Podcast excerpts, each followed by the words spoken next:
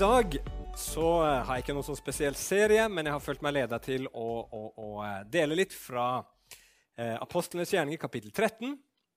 Så har du med deg Bibel, så slå gjerne opp der. Vi skal lese fra vers 4 til vers 12. Og Tittelen min i dag er som dere ser, 'Herrens rette veier'. og Det bildet der er fra Finland. Hvis du har vært og kjørt i Finland noen gang Det gjorde jeg og familien for et par år tilbake når det var covid-19 og eh, det ikke var mulig å reise på ferie til utlandet, så dro vi til Nord-Norge og så ned igjen gjennom Finland. Eh, og I Norge var det fryktelig svingete, men med en gang vi kom inn i Finland, så var det bare rett fram og skog på begge sider. Og litt, litt opp og ned innimellom, men det var strake veier. Så Finland har jo mange kristne, så det er sikkert derfor det er så mye rette veier der. jeg vet ikke. Men ok, La oss lese fra Apostlenes gjerninger, kapittel 13. Og så leser vi fra vers 4 til 12. Der står det Disse to, altså det er Paulus og Barnabas, som altså var blitt sendt ut av Den hellige ånd, dro til Selevkia og seilte derfra til Kypros. De kom til Salamis, hvor de forkynte Guds ord i jødenes synagoger. Også Johannes var med dem som medhjelper. De dro tvers over øya helt til Pafos. Der støtte de på en jødisk trollmann og falsk profet som het Bar Jesus. Han holdt til hos guvernøren Sergius Paulus, som var en forstandig mann. Han ba Barnabas og Saulus til seg fordi han ønsket å høre Guds ord. Men Elimas, trollmannen, som navnet hans betyr, motarbeidet dem og forsøkte å få guvernøren bort fra troen. Da ble Saulus, som også het Paulus, fylt av Den hellige ånd. Han så trollmannen rett i øynene og sa, Du djevelens sønn, full av all slags svik og ondskap, en fiende av alt som er rett, skal du aldri holde opp med å gjøre Herrens rette veier krokete. Se, nå legger Herren sin hånd på deg. Du skal være blind en tid og ikke se solen. Straks falt det skodde og mørke over ham, og han famlet omkring og lette etter noe som kun, noen som kunne leie ham. Da guvernøren så det som skjedde, ble han helt overveldet av Herrens lære og kom til tro. Dette er Guds ord. En spennende historie fra Apostlenes gjerninger, som er en spennende bok. Har du ikke lest den, så vil jeg varmt anbefale å lese Apostlenes gjerninger, for det er boka om hva som skjedde etter at Jesus hadde dratt opp til himmelen, og de første kristne eh, begynte liksom å fortelle andre mennesker om Jesus, og den første kristne menighet ble grunnlagt. Den begynner med Peter. Første delen av apostlenes gjerninger handler om Peter. Og så fra kapittel 13 så er det Saulus, eller Paulus, som vi som oftest kaller han, som er i fokus. Og Det som vi nettopp leste nå, det er fra det vi kaller for Paulus sin aller første misjonsreise. Og Den begynner på Kypros. Er det noen som har vært på ferie på Kypros her noen gang? Se der, ja. Kypros er en veldig avlang øy som ligger eh, sør for uh, Tyrkia. Og uh, godeste Paulus og Barnabas, som var med han, de seilte til Kypros og begynte de helt øst. Begynte de å forkynne om Jesus, og så reiste de på langs eller på tvers over hele øya og, og fortell, fortalte mennesker om Jesus. Og så kom de helt til vest, og der ligger det en by som heter Pafos. Og det var hovedstaden. Og i Pafos så var guvernør Sergius Paulus. Han var liksom sjefen på øya. Og Han hørte om disse to mennene som reiste rundt og fortalte, fortalte om denne Jesus. Og han ble nysgjerrig. Han ville, at, han ville høre dette budskapet, han òg. Folk begynte å snakke om det. det. Det skjedde noe på øya, og han også ville vite hva i all verden er det her. Og så skjer det noe merkelig. Hos Sergius Paulus så fins det en rådgiver som Bibelen kaller for en falsk profet eller en trollmann, som heter Bar Jesus eller Elimas. Og han begynner med en gang å motsi det som Paulus og Barnabas sier, fordi han vil ikke at Sergius Paulus, guvernøren på øya, skal komme til tro. Og Hvordan responderer Paulus på det her? Jo, han blir fylt med Den hellige ånd, står det. Han ser hva som skjer. Her er det den onde. Her er det djevelen som er på ferde. Og så kommer han med et ord ifra Gud, og så blir denne her trollmannen blind. Han blir totalt overrumpla. Sergius Paulus, guvernøren, blir overvelda, og han blir en kristen. En spennende historie. Action i Bibelen. Eh, det har blitt laga film om, eller serie om de apostlenes gjerninger, hvor mange av disse spennende historiene er fortalt. og den også er varmt anbefalt. Men så er det spørsmålet ok, dette her var en eksotisk og spennende historie. Men hva med oss i dag? Har den noe for oss? Det er ikke så mye trollmenn som går rundt her på Nærbø, kanskje, eh, som vi, vi må liksom hanskes med. Har dette noe relevans for oss? Og det tror jeg det har. Jeg har som vanlig tre punkter som jeg vil at dere skal få med dere. Og Det første punktet mitt er at Gud han er rett. Gud er rett. Det er dårlig norsk, jeg vet det, men jeg skal komme tilbake til det. Og så nummer to hvorfor forvrenger mennesket budskapet hans? Gud er rett. Hvorfor mennesket forvrenger budskapet til Gud? Og til slutt hvordan sannhetens ånd, Den hellige ånd, hjelper oss. Så Det skal vi snakke om i dag, og før vi begynner på det, så skal vi be en bønn. Kjære himmelske Far, jeg har bare lyst til å be deg om å hjelpe meg nå til å formidle ditt ord til oss. Herre, la det ikke være mine ord, men la det være dine ord. La det ikke være menneskelige tanker, men la det være guddommelige tanker. La det være sant, la det være rett, la det være fullt av kraft. Og jeg ber Gud om at det skal gjøre noe med oss. At vi skal gå ut fra Betel i dag, ha forstått noe mer om hvem du er, Jesus. At du skal få berørt ved hjertene våre. At det skal gjøre noe med hvordan vi lever livene våre. Kom, Hellige Ånd. Kom, Hellige Ånd. Vi trenger deg akkurat nå. I Jesu navn vi ber. Amen. Ok. Gud er rett. Den kampen som vi nettopp hørte om, det er for det første en kamp om Guds ord. Sergius Paulus han ville høre Guds ord. Paulus og Barnabas forkynte Guds ord. Og så kommer Elimas, trollmannen, og forsøker å forvrenge det. Og Jeg har bare lyst til å slå fast med en gang, Nå klarte jeg faktisk å glemme å ta med Bibelen min opp her. Det var jo det var nesten litt pinlig. Den ligger nok i sekken min. Men jeg hadde liksom tenkt å løfte den opp og si Så får dere forestille at jeg holder en bibel her, da. Det som står i Bibelen, er rette ord. Guds ord er sant. Bibelen er god. Det er hellige ord. Det er rettskaffende ord. Ja, Bibelen sier om Bibelen, om seg selv, i Salme 19, vers 8-10.: Herrens lov er fullkommen. Den fornyer livet. Herrens vitnesbyrd står fast. Det gir den uvitende visdom. Herrens påbud er rette. De gjør hjertet glad. Herrens bud er klart. Det gir øynene lys. Frykten for Herren er ren.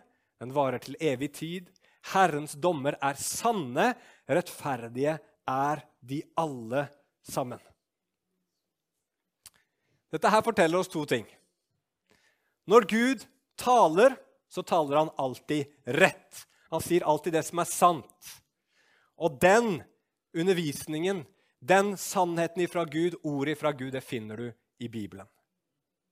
Du finner det i Guds lov, som det sto her. Du finner det i alt Guds ord. Derfor kan vi fullt ut stole på Bibelen. Bibelen er sann. Faktisk så står det sånn i Bibelen at alt det Gud gjør, er rett. Og det er godt. Når han skapte, så står det i 1. Mosebok 1,31.: Gud så på alt det han hadde gjort, og se, det var svært godt. En dag skal Gud dømme verden. Blir det rett og godt? Ja, sier Bibelen, Apostlenes gjerninger 17, vers 31. For han har fastsatt en dag da han skal dømme verden med rettferd. Og når Gud han vil frelse deg fra dine synder, når han vil tilgi deg alt det gale du har gjort, og la deg få slippe den straffen du fortjener, så gjør han også det på en rettferdig måte. Frelsen det, om frelsen så står det i Romerne 3, 25-26. Ham, dvs. Si Jesus, har Gud stilt synlig fram for at han ved sitt blod skulle være soningsstedet for dem som tror. Slik viste Gud sin rettferdighet. Altså Jesus var en soning for våre synder. Og da når Gud gjorde det, så var han rettferdig. For han hadde tidligere i tålmodighet holdt tilbake straffen for de synder som var begått. Du og jeg har gjort mange synder, men Gud har ikke straffa oss for dem. Mange synder ble gjort i fortiden, men Gud straffa dem ikke for dem. Han venta, han var tålmodig, for at en dag, i vår tid, står det her, så vil han vise sin rettferdighet. Både at han selv er rettferdig, og at han kjenner den, rett, den rettferdig som tror på Jesus. Ved at Jesus tok straffen for oss, så kunne Jesus, Gud både være rettferdig og gjøre deg rettferdig. Det er evangeliet. Og alt dette her det kommer av at Gud selv er helt fullkommen rett. i sin natur. Han er rett. Han er rettskaffen, han er rettferdig, han er rettvis, han er god. Ja, han er uten svik. Det fins ikke noe feil i han. Han er fullkommen.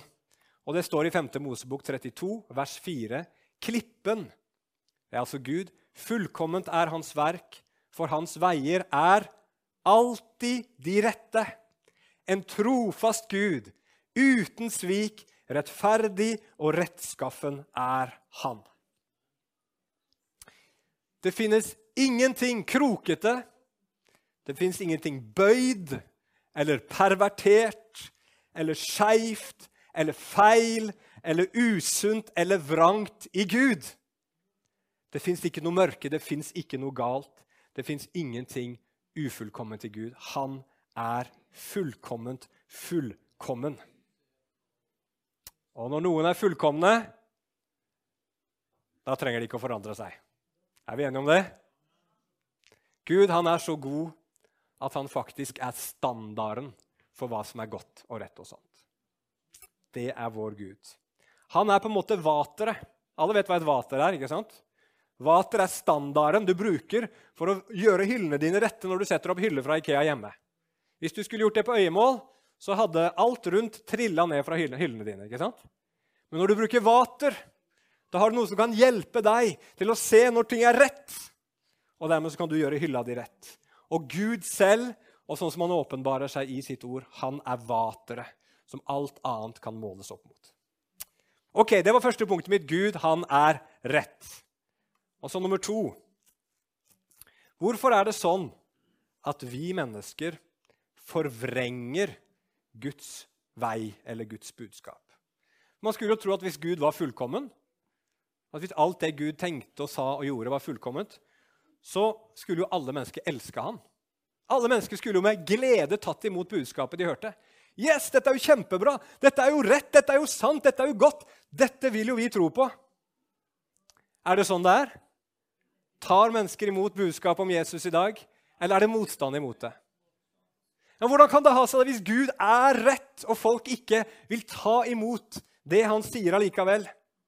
Og Det enkle svaret på det er fordi det er noe galt med Nei, med oss. Det er noe galt med oss. På hvilken måte da? Hva er det som er galt med deg? Du er enig at det er noe galt med deg? Er det noen som det ikke er noe galt med, så kan du bare rekke opp en hånd. Jeg må bare sjekke. Ok, det er noe galt med deg. Det er bra, for det er noe galt med meg òg. Men på hvilken måte er det noe galt med oss? La oss se på, på denne trollmannen. Denne falske profeten som blir kalt for Bar Jesus eller Elimas. For jeg tror ikke han er så fryktelig forskjellig fra deg og meg. Men jeg er ingen trollmann, sier du? Nei, det er greit. Jeg tror deg. Men grunnen til at Elimas står imot Guds budskap, er akkurat samme grunn til at du og jeg står imot Guds budskap. Og Det er også et veldig enkelt svar på det. Elimas står imot Guds budskap fordi han er redd. Elimas er redd for å miste jobben. Han er redd for å miste makt, innflytelse og status. Han er redd for å miste kontrollen på sitt eget liv. Fordi han jobber nå som rådgiver hos Sergius Paulus, guvernøren på øya. Han har toppstillingen. Og han skjønner at hvis Sergius Paulus blir en kristen, så kan det kanskje hende at han ikke er interessert i å ha en trollmann som sin nærmeste rådgiver. Tror du ikke det? Det passer seg liksom ikke, da. Om jeg som pastor her på Betel skulle ansette en trollmann som liksom medpastor, det, det hadde ikke vært så bra. Da måtte dere sparka meg og trollmannen. Og du skjønner at Hvis noen er trollmann, hva, hva, hva, vil man da? Jo, da vil man ha makt. Hvis noen driver med det okkulte, okkulte krefter, da er de ute etter makt, de er ute etter innflytelse. Og Mennesker driver med det i dag. Ingen som går ut og kaller seg trollmann. Men mange mennesker er åpne for det okkulte. Hvorfor det? Jo, for at det skal gi dem kraft, det skal gi dem kunnskap, det skal gi dem makt og innflytelse over andre mennesker. Og når noen er sånn, så er de står de mot Gud. Og når noen er sånn og skjønner at jeg holder på å miste makten, da må de gjøre motstand. Og det er det Elimas, Elimas gjør her. Han gjør motstand. Kan jeg få lov å si noe om Gud som er litt kontroversielt? Jeg fikk lov av Toril, da sier jeg det.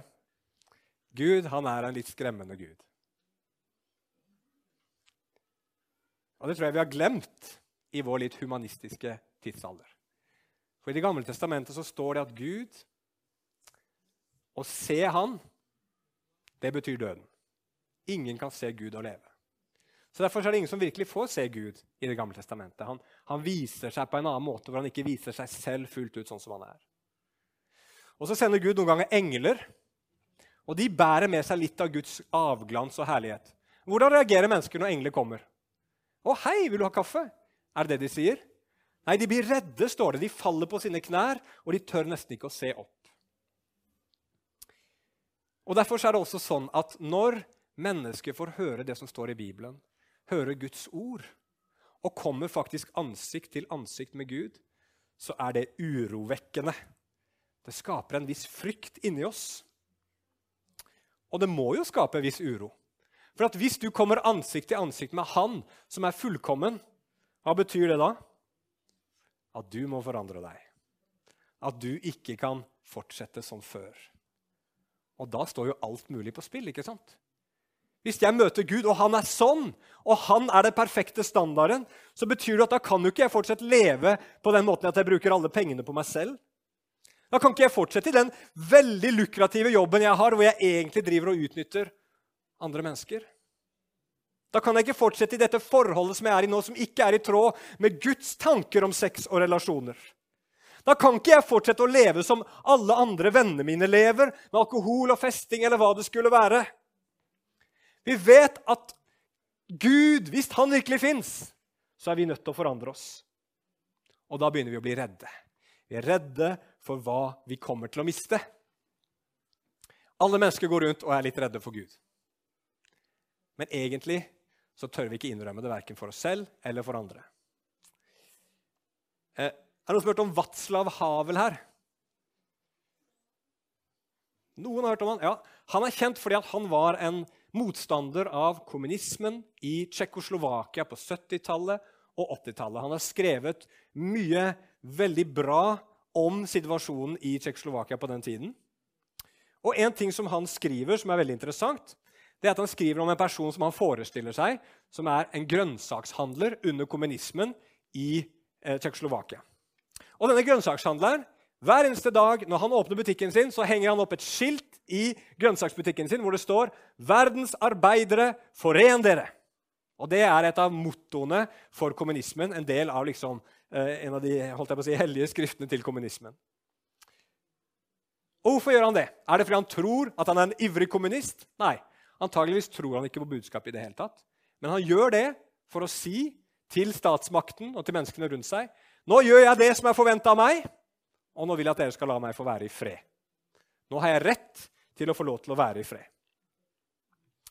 Så sier Vatslav Havel det der er egentlig et budskap som forteller at grønnsakshandleren egentlig er redd og feig og ikke tør å si det han tenker. Han vil bare ha fred og ro. Og så går han på kompromiss med det han egentlig vet innerst inne er sant. Men sier Vatslav Havel. Hvis det sto det på det skiltet Jeg er redd, feig og ynkelig, og jeg kommer aldri til å være ulydig mot kommunismen. Hvis det var det som sto på skiltet, så hadde han aldri hengt det opp. ikke sant?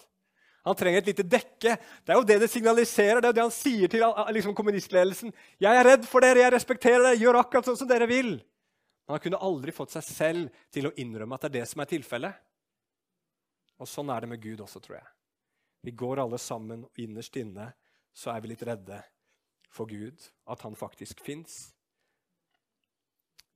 Men så kommer vi bare med masse bortforklaringer. Vi sier masse andre ting for å dekke over den frykten som fins der innerst inne. Men én fyr som jeg fant på Internett, som heter Thomas Nagel, han er en kjent filosof. Han er i, i New York. Han har skrevet følgende. Han er ateist, men sier det her. Hør på dette her. Jeg snakker av erfaring fordi jeg selv er sterkt preget av denne frykten. Jeg ønsker at ateismen skal være sann, og blir urolig av at noen av de mest intelligente og velinformerte menneskene jeg kjenner, er religiøst troende. Det er ikke bare det at jeg ikke tror på Gud, og naturligvis håper at jeg har rett i min tro. Det er at jeg håper at det ikke finnes noen Gud. Jeg vil ikke at det skal finnes en Gud. Jeg vil ikke at universet skal være slik. Jeg antar at kosmiske, dette kosmiske autoritetsproblemet ikke er en sjelden tilstand. Altså at det er mange andre som også føler det sånn som han, og at det er årsaken til mye misbruk av vitenskapen. En av tendensene er den latterlig overdrevne bruken av evolusjonsbiologi eller evolusjonsteorien for å forklare alt ved menneskelivet, inkludert alt ved menneskesinnet. Thomas Nagel han liker ikke tanken på at det skal finnes en gud, sier han. Og han vet han, at han ikke er den eneste som kjenner på den eh, uroen. Og Derfor så ser han at denne frykten for Gud som alle vi mennesker bærer på, gjør at vi kommer med masse forskjellige bortforklaringer. Det er essensen i hva vi mennesker holder på med. Vi vet dypest sett innerst inne at det fins en Gud. Og hvis det fins en Gud, så er jeg i trøbbel. Og da må vi forsøke på en eller annen måte å forklare det bort. Og Dermed så kan man f.eks. appellere til evolusjonsteorien eller Big Bang. Nei, nei, altså Vitenskapen har allerede bevist at det ikke finnes en gud. Det er det mange som sier, Selv om det er blitt motbevist for lenge siden. Det er ikke noe problem, det vitenskapen sier for troen på Gud. Eller så man ofte, sier man ofte at nei, men Gud kan jo ikke være sånn som de kristne sier.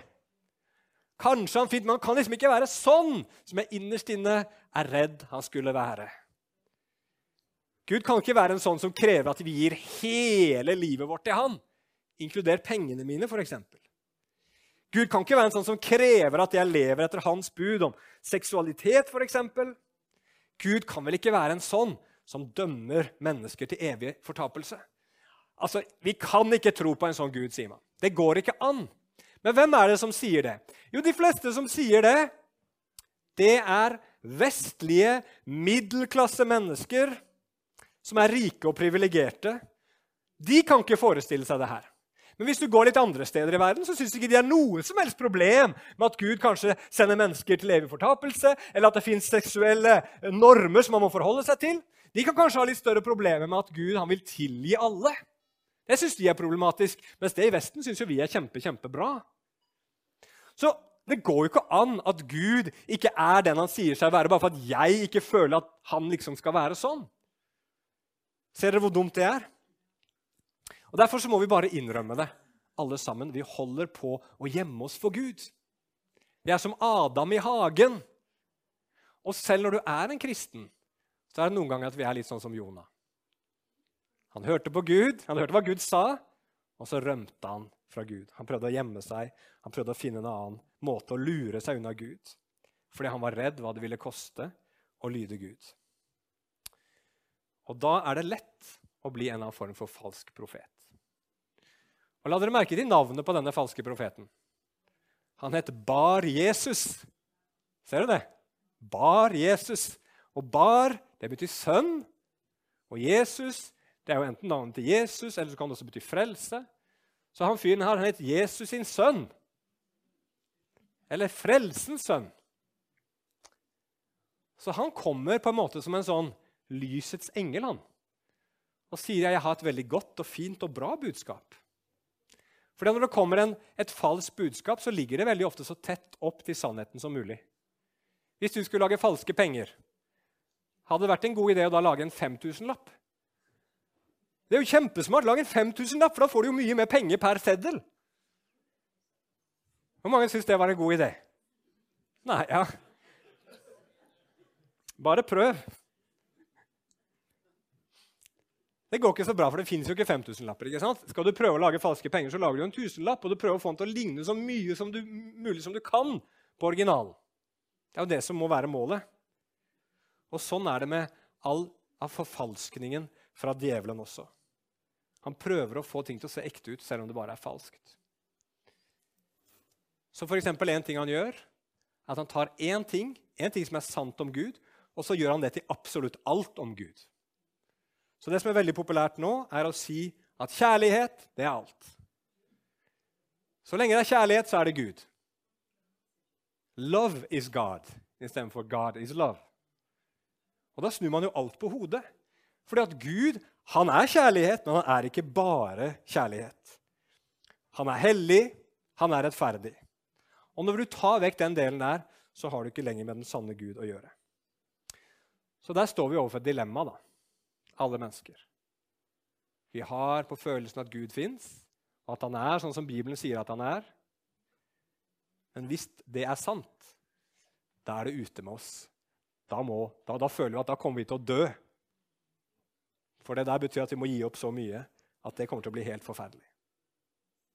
Eller så kan vi fortsette å bedra oss sjøl, og så blir vi falske profeter som tror på løgn, som fortsatt har uro i våre sinn og ikke vet helt hvor vi er på vei. Og Da kommer vi til det siste punktet.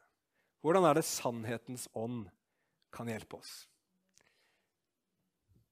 Jeg vet ikke helt hva han herre Bar Jesus eller Elimas sa til Sergius Paulus for å få ham bort fra troen. Det var sikkert et eller annet sånn lureri. Han prøvde sikkert å, å, forvrenge Guds ord på en eller annen måte. Men det vi vet fra det vi nettopp leste, er hva som forandra hele situasjonen. Og det er Den hellige ånd. Og hva er det Den hellige ånd gjør her? Jo, Den hellige ånd i denne situasjonen her kommer over Paulus, fyller Paulus opp. Og så skjer det et verk av Den hellige ånd i ord. Det kommer noen ord fra Den hellige ånd, og så kommer det en gjerning, en hendelse fra Den hellige ånd. Og Bibelen sier at Den hellige ånd er sannhetens ånd. Det kommer, sann, det kommer sanne ord, og det kommer en sann gjerning. Og Paulus han blir fylt med Den hellige ånd, står det, og så sier han til denne bar Jesus.: Du djevelens sønn.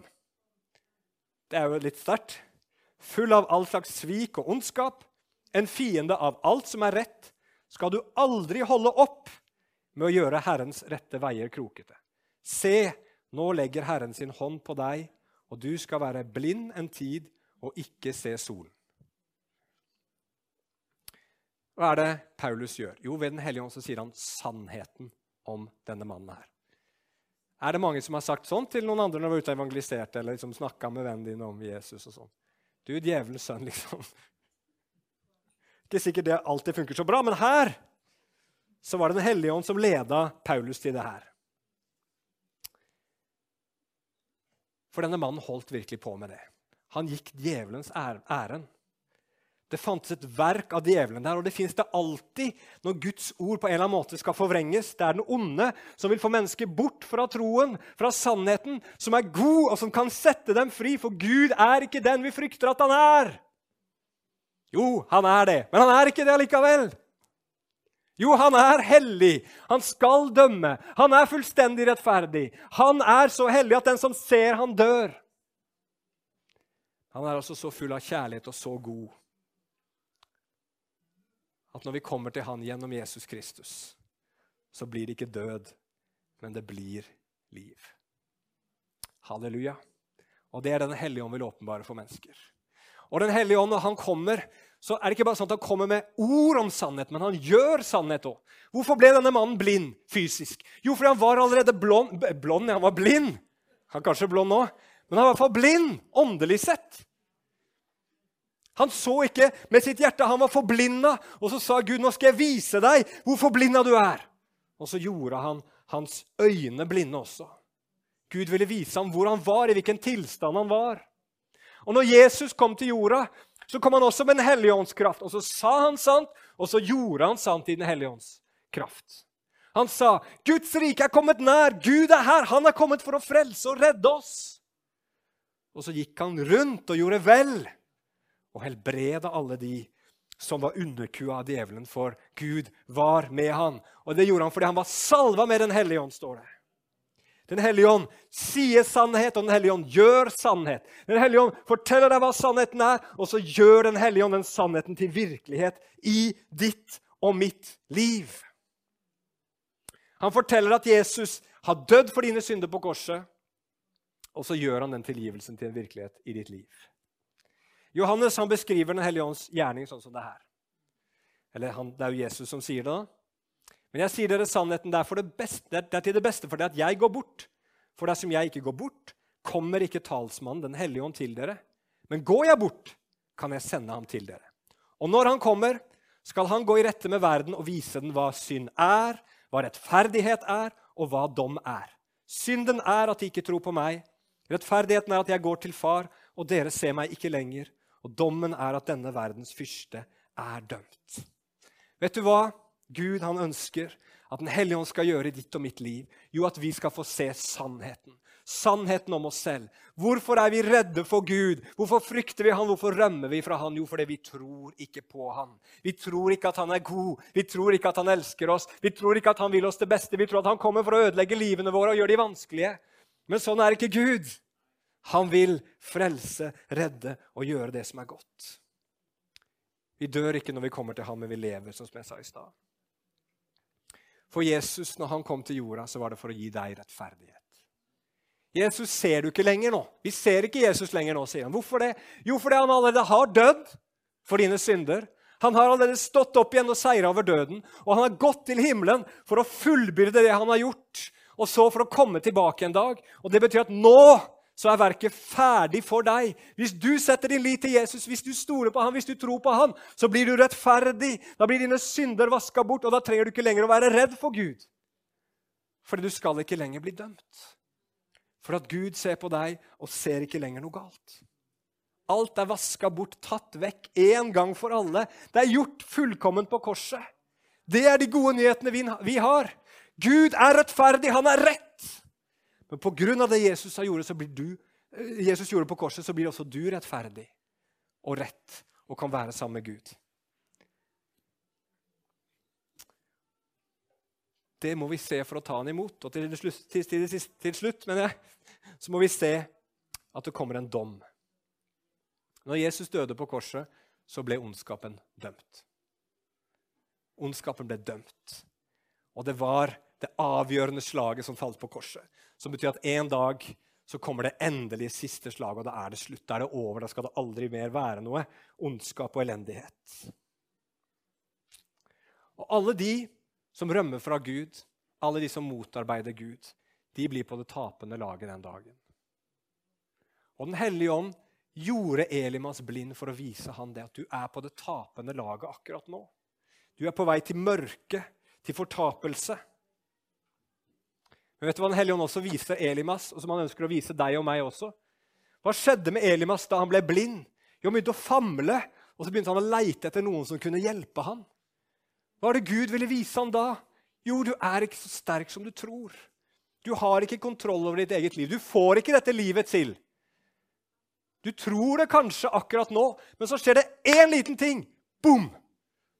Så begynner du å leite etter hjelp. Hvem kan hjelpe meg? Hva kan hjelpe meg? Vi er svake alle sammen, og Gud i sin kjærlighet viser Elimas at han trenger hjelp. Og det vil han vise til oss også. Og så skjer det noe fantastisk bra, som vi leste.